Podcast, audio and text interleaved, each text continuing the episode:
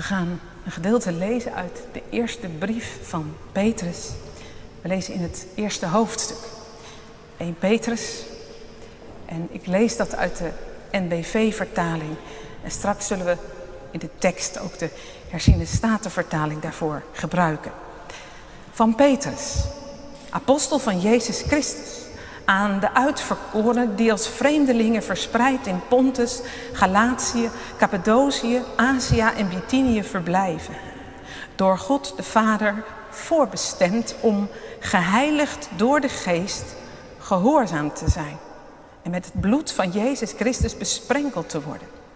Genade zij u en vrede in overvloed. Lezen we verder in vers 13. Laat uw geest daarom voortdurend paraat zijn. Wees waakzaam en vestig al uw hoop op de genade die u ontvangen zult wanneer Jezus Christus zich openbaart. Wees als gehoorzame kinderen en geef niet opnieuw toe aan de begeerten waardoor u vroeger, toen u nog onwetend was, werd beheerst. Leid een leven dat in alle opzichten heilig is. Zoals Hij die u geroepen heeft, heilig is. Er staat immers geschreven, wees heilig, want ik ben heilig. En als u Hem Vader noemt, die iedereen naar zijn daden beoordeelt, zonder aanzien des persoons, heb dan ook ontzag voor Hem tijdens uw leven als vreemdeling. U weet immers dat u niet met zoiets vergankelijks als zilver of goud bent vrijgekocht uit het zinloze leven dat u van uw voorouders had geërfd, maar met het kostbare bloed van Christus, als dat van een lam zonder smet of gebrek. Al voor de grondvesting van de wereld is Hij door God uitgekozen en nu, aan het einde van de tijd, is Hij verschenen omwille van u. Door hem gelooft u in God die hem uit de dood heeft opgewekt en hem laat delen in zijn luister, zodat uw geloof en hoop op God gericht zijn. Tot zover het woord van onze God. Gemeente van onze Heer Jezus Christus. Petrus zegt tegen de eerste lezers van zijn brief maar zoals Hij die u geroepen heeft heilig is, wordt zo ook Gijzelf heilig in heel uw levenswandel. Want er staat geschreven, wees heilig, want ik ben heilig. Ik zei ik gebruik nu de herziene statenvertaling die in dit geval iets dichter bij de grondtekst ligt. En dat is belangrijk, dat zullen we straks zien. Wees heilig aan het begin van een nieuw kerkelijk seizoen, voordat we volgende week het avondmaal gaan vieren, denken we na over deze oproep van Petrus. Wees heilig. Dat is een woord waar je twee kanten mee op kunt. Het kan ons moedeloos maken. Ja, heilig, dat willen we wel zijn, maar telkens als we het proberen, dan krijgen we kramp in onze kuiten van het op je tenen lopen. En dan is het gevaar zomaar dat je schijnheilig wordt. Aan de buitenkant doen we ons heilig voor. En al onze gedachten, emoties en soms zelfs onze daden die dat etiket heilig niet verdienen, ja, die verstoppen we in de schuilhoeken van ons hart, van ons leven. En aan de andere kant, heilig wil je dat nou wel zijn? Of wil je dat misschien wel niet meer zijn? Er zijn zoveel pogingen die je hebt gedaan. Nee, ik wil helemaal niet meer heilig zijn. En heilig, dat kan je ook zomaar vervreemden van mensen om je heen. En dan kun je de indruk wekken dat je zelf ingenomen bent, je beter voelen dan een ander. En heilig, ja, we willen toch al snel erbij horen. Wat is het belangrijk als je in de klas zit? En je hoort er een beetje bij. Je valt niet buiten de boot. En je wordt niet het object van pesten. Wat is het Fijn als je er een beetje bij hoort, als je net je nieuwe medestudenten hebt ontmoet. Wat is het fijn om er een beetje bij te horen op de werkvloer. Heilig. Je wilt toch niet al te zeer opvallen. Dat willen de meesten van ons niet al te graag. Op een van de extreem warme dagen, een paar weken geleden, zat ik aan de rand van een meertje.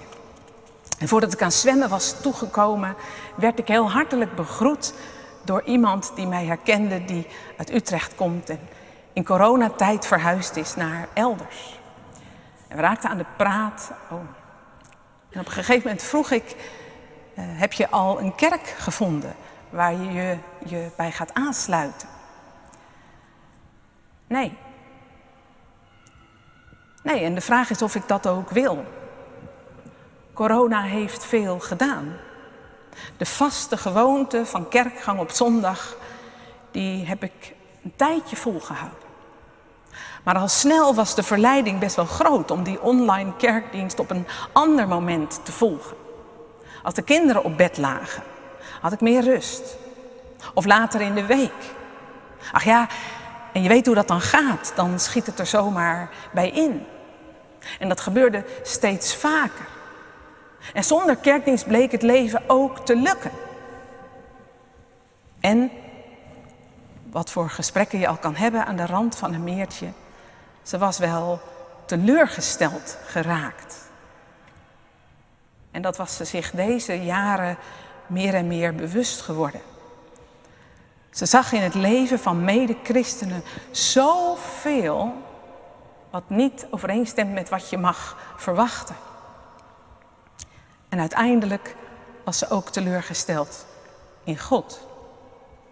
Ja, ze had ook wel een aantal hele ingewikkelde en verdrietige dingen meegemaakt. En dan, zo vertelde ze uitvoerig, die hele ellendige situatie van onze wereld en God die dat maar laat voortbestaan. Misschien hebt u, heb jij ook wel eens zo'n soort gesprek gevoerd. En eigenlijk heeft het altijd iets ongemakkelijks. Op de weg terug naar huis merkte ik hoezeer het gesprek me had geraakt. En ineens dacht ik, hoe zou God zich nou voelen? Als wij Hem elke keer expliciet of in ons hart beschuldigen. En dat we dan heel makkelijk voorbij gaan aan het aandeel dat wij als mensen zelf in een heel groot aantal van de problemen van onze tijd hebben. En daarmee wil ik niets afdoen van het grote verdriet wat in een leven kan komen terwijl je dat overkomt. Maar God de schuld geven. De vragen die zij stelde, ach, die herken ik wel. In de zomervakantie, dat is altijd het fijne van zomervakantie, dan kun je een aantal boeken lezen zonder dat dat gelijk iets moet opleveren. Ik las het boek Wij slaven van Suriname van Anton de Kom. De Nederlandse christenen die komen in dat boek er niet bepaald vrij van af in het hele slavernij gebeuren. Ik las ook het boek Elijzon van Koen de Hoog. Dat gaat over een ongezond gezinssysteem waarin misbruik plaatsvindt. En dat vindt plaats achter een vrome en een zeer kerkelijk betrokken façade. Ik heb ook nog leukere boeken gelezen trouwens. Maar teleurgesteld. Je kunt het zomaar worden. Opgeven. Je kunt het zomaar doen. Maar het is wel jammer. Het is wel zonde. Laatst vroeg iemand waar ik naast zat, ik was kerkganger in een dienst, hoe kan dat toch? Het is een beetje raar. Er hangt twijfel in de lucht. En ook in de preek was best wel veel aan vragen langsgekomen. Maar geloven jullie als dominees het dan niet meer? Wat zijn er een vragen? Wat is er een twijfel en een wantrouwen om ons heen en ik vermoed zomaar ook onder ons. Want we ademen allemaal de lucht van onze cultuur in. En we zien mensen het geloof overboord zetten. We zien hoe het langzaam uit kan doven.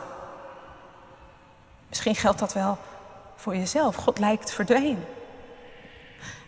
En dat treft me. Zoals in dat gesprek met die jonge vrouw. En het zet me ertoe aan om te gaan zoeken. Want ik herken me in de woorden van Petrus in Johannes 6. Als Jezus zegt, willen jullie ook niet weggaan? Dan zegt hij, ach, waar moet ik heen? Bij u zijn woorden van eeuwig leven. Ja, die vragen zijn er. Die gaan ook een christen niet voorbij. Maar zullen we dan met elkaar ook zoeken naar de antwoorden? Nee, die zijn niet zo instant. Die zijn niet klip en klaar. Voor die antwoorden moet je vaak wel een beetje moeite doen. Hoe dan? Nou, door terug te gaan naar God. Met al je vragen. Met al je gevoelens. Door terug te gaan naar het woord. Om terug te kijken naar de geschiedenis van het volk van God. Wij zijn niet de eerste die geloven. Er zijn generaties voor ons. Hoe kom je terug? Nou, door te luisteren. Gewoon maar te luisteren. Door te bidden. En als je zelf geen woorden hebt, dan kun je de psalmen bidden. Of dan kun je woorden van anderen bidden. Totdat je zelf weer woorden vindt. Je kunt studeren, lezen, zoeken. De vragen delen met God en met anderen en verwachtingsvol uitzien. Om inderdaad te ontdekken dat het nooit anders is geweest. Van het begin tot het einde, tot vandaag, hebben wij mensen geprobeerd om God te vatten in een systeem. Om God te vatten in een bepaalde ethiek binnen onze kaders. En het lukt niet. Het lukt nooit. Want God is groter dan wij ooit kunnen bevatten. Maar als het niet lukt om Hem te persen in onze mal, ja, dan kan het geloof zomaar oppervlakkig worden. Gericht op de buitenkant. En dat geeft geen houvast. En dat houdt het niet op de lange duur. En dan worden we lauw. We verliezen controle en grip. Dan verliezen we hoop en passie.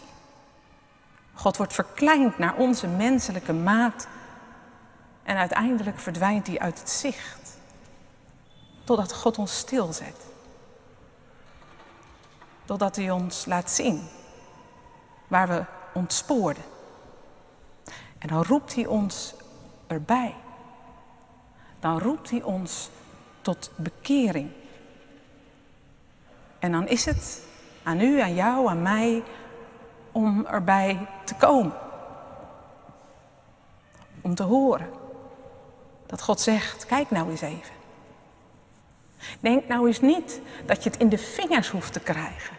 Leer, luister, leef. Jezus zegt, leer van mij. Geweldig hoe Hij in het leven ja, met God laat zien hoe dat eruit ziet. Hoe Hij ons bevrijdt van wat leven met God onmogelijk maakt. Al onze pijn, onze schuld, onze schaamte, al onze teleurstellingen en vragen. Petrus herinnert de lezers daaraan, ook in deze brief. Wij zijn vrijgekocht door Jezus Christus. Hij heeft de overwinning behaald. En wij mogen staan in die overwinning. Zelfs al breekt alles ons bij de handen af. We mogen zien op Jezus Christus, een mens, voluit mens, mens uit één stuk. En dat is bijzonder als je de evangelie leest, degene die hem ontmoeten, ja, dan, die ontdekken, hij is meer dan onze geestelijke leiders en leraars. Hij mat je niet af met een lode last en een stalen juk. Hij zet mensen vrij om te leven zoals God het heeft bedoeld. Dat zette de eerste leerlingen in vuur en vlam. En dat maakte hun leven zo aantrekkelijk. En dat kan het ook bij ons doen. Maar het gekke is dat we dat ook telkens weer verliezen. Wij hebben al snel een te beperkt leven en een te smalle blik.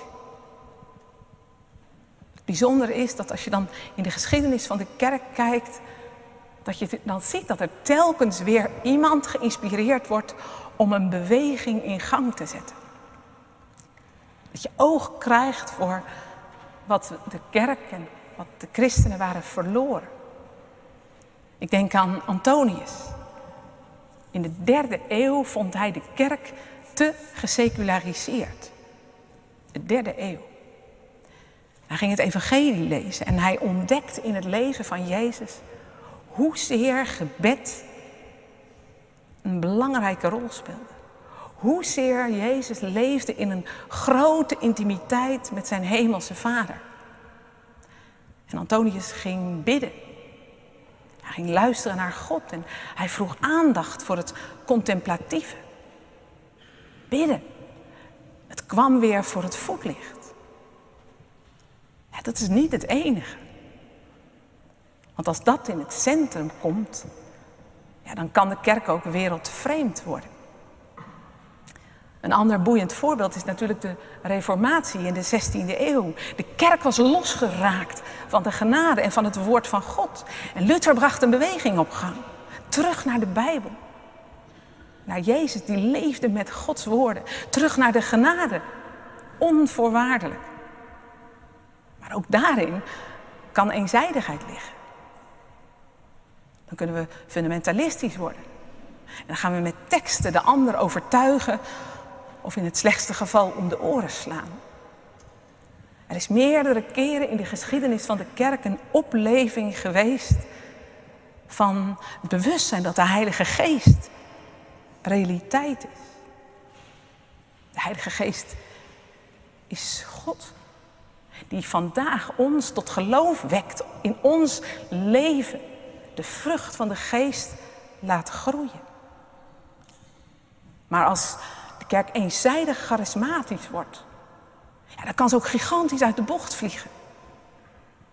Want als je zegt, ja, de geest zegt, dan is er geen mogelijkheid meer om te toetsen.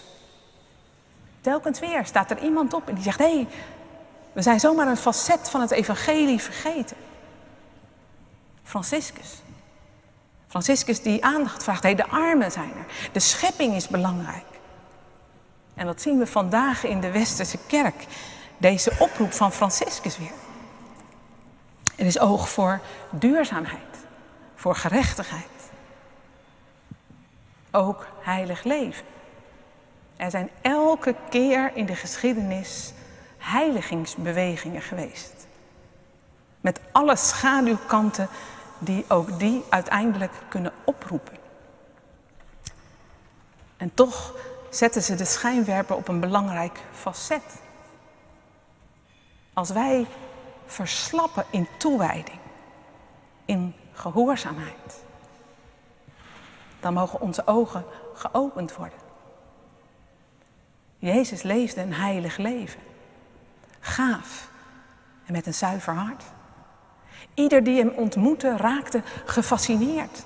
Mensen legden hun hele ziel en zaligheid op tafel. Hun zonde lieten ze ontmaskeren. Bij hem kon dat veilig.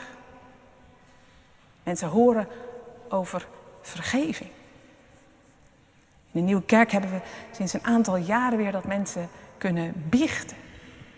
En hoe heilzaam is het als je niet langer verborgen moet houden waarvan je weet dat het tegen Gods bedoeling met je leven ingaat, maar dat je het openbaar mag maken. En dat je mag horen van vergeving. En wat is het mooi als je komende week ontdekt, hé, maar er zijn dingen in mijn leven die niet deugen. Dat je het aan God beleidt.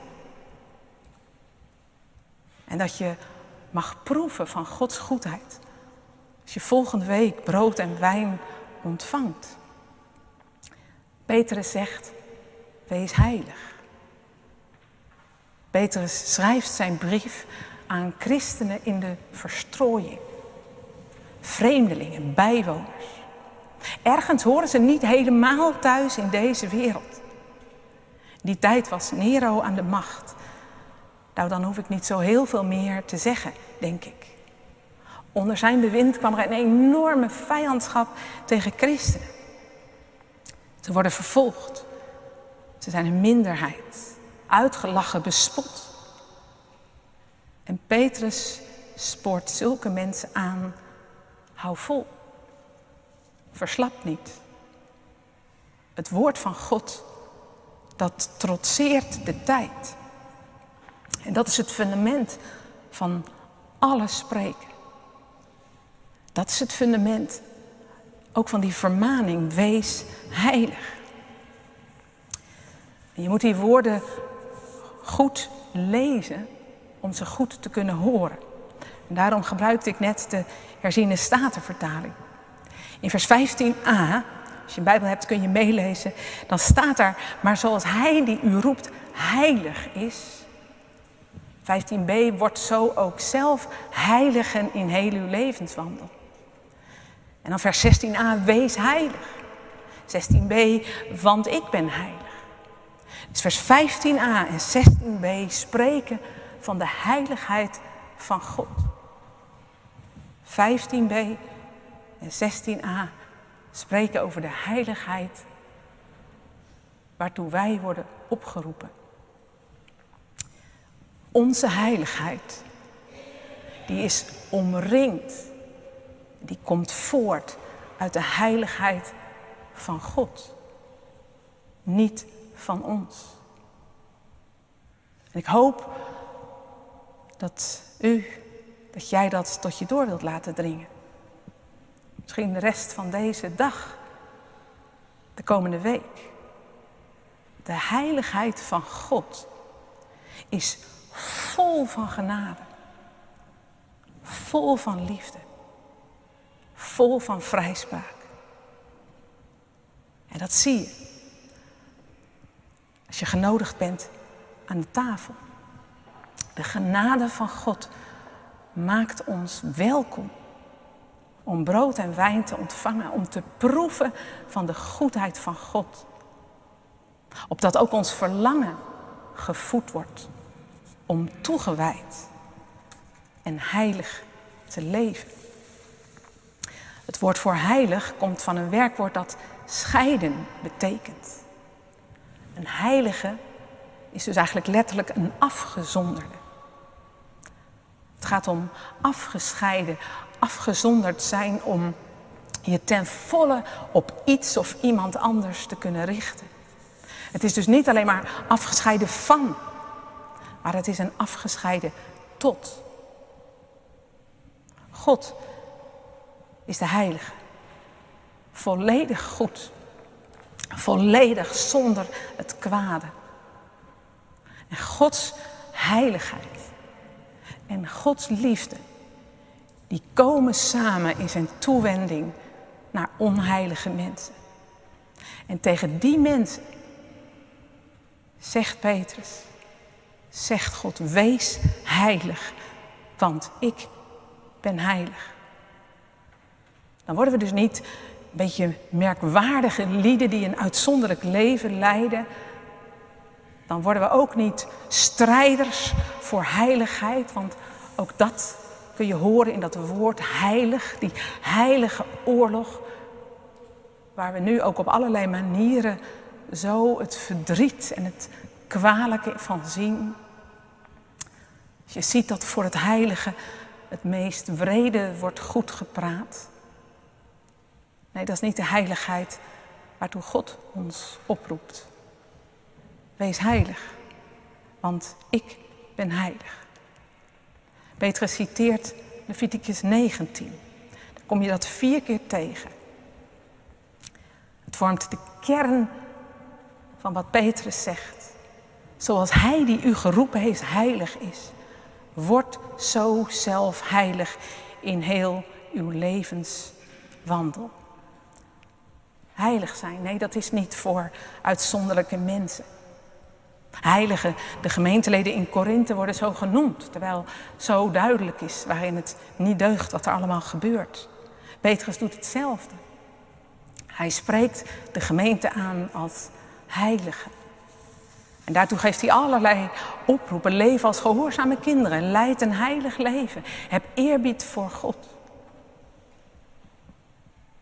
Heilig leven. Ja, dat is wat we mogen doen. Want heilig, dat is niet alleen iets voor een bepaalde dag, voor zondag. Dat is niet alleen iets voor een heilige plaats, de kerk. Dat is ook niet voor een heilig moment alleen, bidden. Maar het is voor het leven dat wij leven als we straks naar huis gaan. Ik weet niet welk leven u wacht. Heilig zijn. Hoe doe je dat? Calvijn heeft gezegd dat we in de strijd om heilig te leven te maken hebben met de duivel, ons vlees en de wereld. Geregeld worden we gewaarschuwd tegen de verleidingen van ons vlees. Ach, dat kan zomaar ons egocentrische leven, ons hedonistische leven zijn. We worden gewaarschuwd voor de listen van de duivel. In die verleidingen zit een grote mate van continuïteit. Je kunt dat op veel manieren ook wel onderscheiden. Daarmee zeg ik niet dat het makkelijk is om te voorkomen dat je voor die verleidingen valt. Maar die verleiding van de wereld, dat is lastiger. De wereld, dat is een atmosfeer, een levensgevoel. Ik las voor een zondaar is het bijna net zo moeilijk om de verzoekingen van de wereld te onderkennen als voor een vis om de onzuiverheden in het water te ontdekken. Er is een gevoel, een besef dat er dingen niet kloppen. Maar wat er precies aan schort, dat kunnen we niet altijd pakken. Dat onttrekt zich aan onze waarneming en analyse. Wij weten wel dat de geestelijke atmosfeer waarin wij leven zomaar het geloof kan uithollen, zomaar de hoop, het, kan zomaar vervluchtigen. De liefde kan er zomaar door ja, gecorrumpeerd worden. Maar echt de vinger erop leggen. En daarom is het zo belangrijk om ons te voeden met het woord, met het gebed, met brood en wijn. Met de ontmoeting en het geloofsgesprek met elkaar. Want als we ons alleen of voornamelijk voeden met wat in de ons omringende cultuur wordt aangeboden, dan kan het zomaar zijn dat we ons voeden met geestelijk plastic.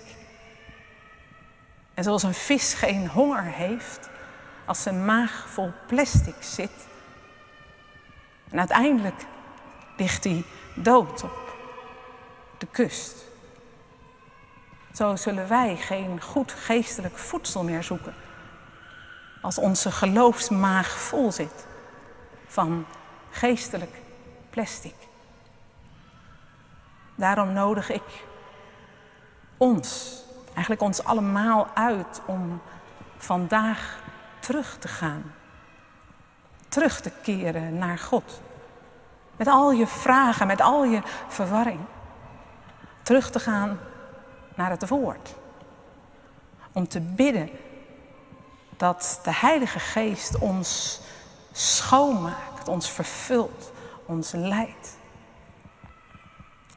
Dat we de gave van de onderscheiding krijgen. Zodat we geen rommel tot ons nemen, die ons op een dwaalspoor zet.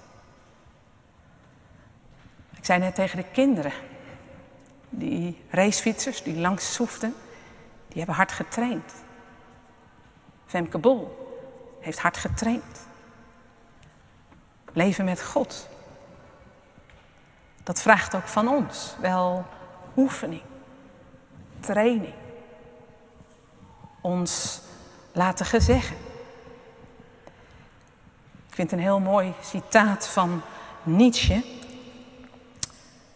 Die zegt, het wezenlijke in de hemel en op aarde is Dat er een langdurige gehoorzaamheid is in dezelfde richting. Dat die er behoort te zijn. Dat resulteert altijd en heeft altijd op de lange duur geresulteerd in iets wat het leven de moeite waard maakt. Langdurige gehoorzaamheid in dezelfde richting. Daar mogen we elkaar bij helpen. Om dat vol te houden. We mogen elkaar vasthouden en steunen. Om niet op te geven. Om erbij te blijven. Om te leren wat heilig leven betekent. Hoe goed dat is. Hoe mooi dat is. Voor onszelf. Voor onze gemeenschap. Maar ook voor de wereld om ons heen. Wees heilig. Een oproep. Voor u, voor jou, voor mij. Wees heilig. Want onze God is heilig. Door zijn geest wil hij in ons leven die heiligheid handen en voeten geven. Amen.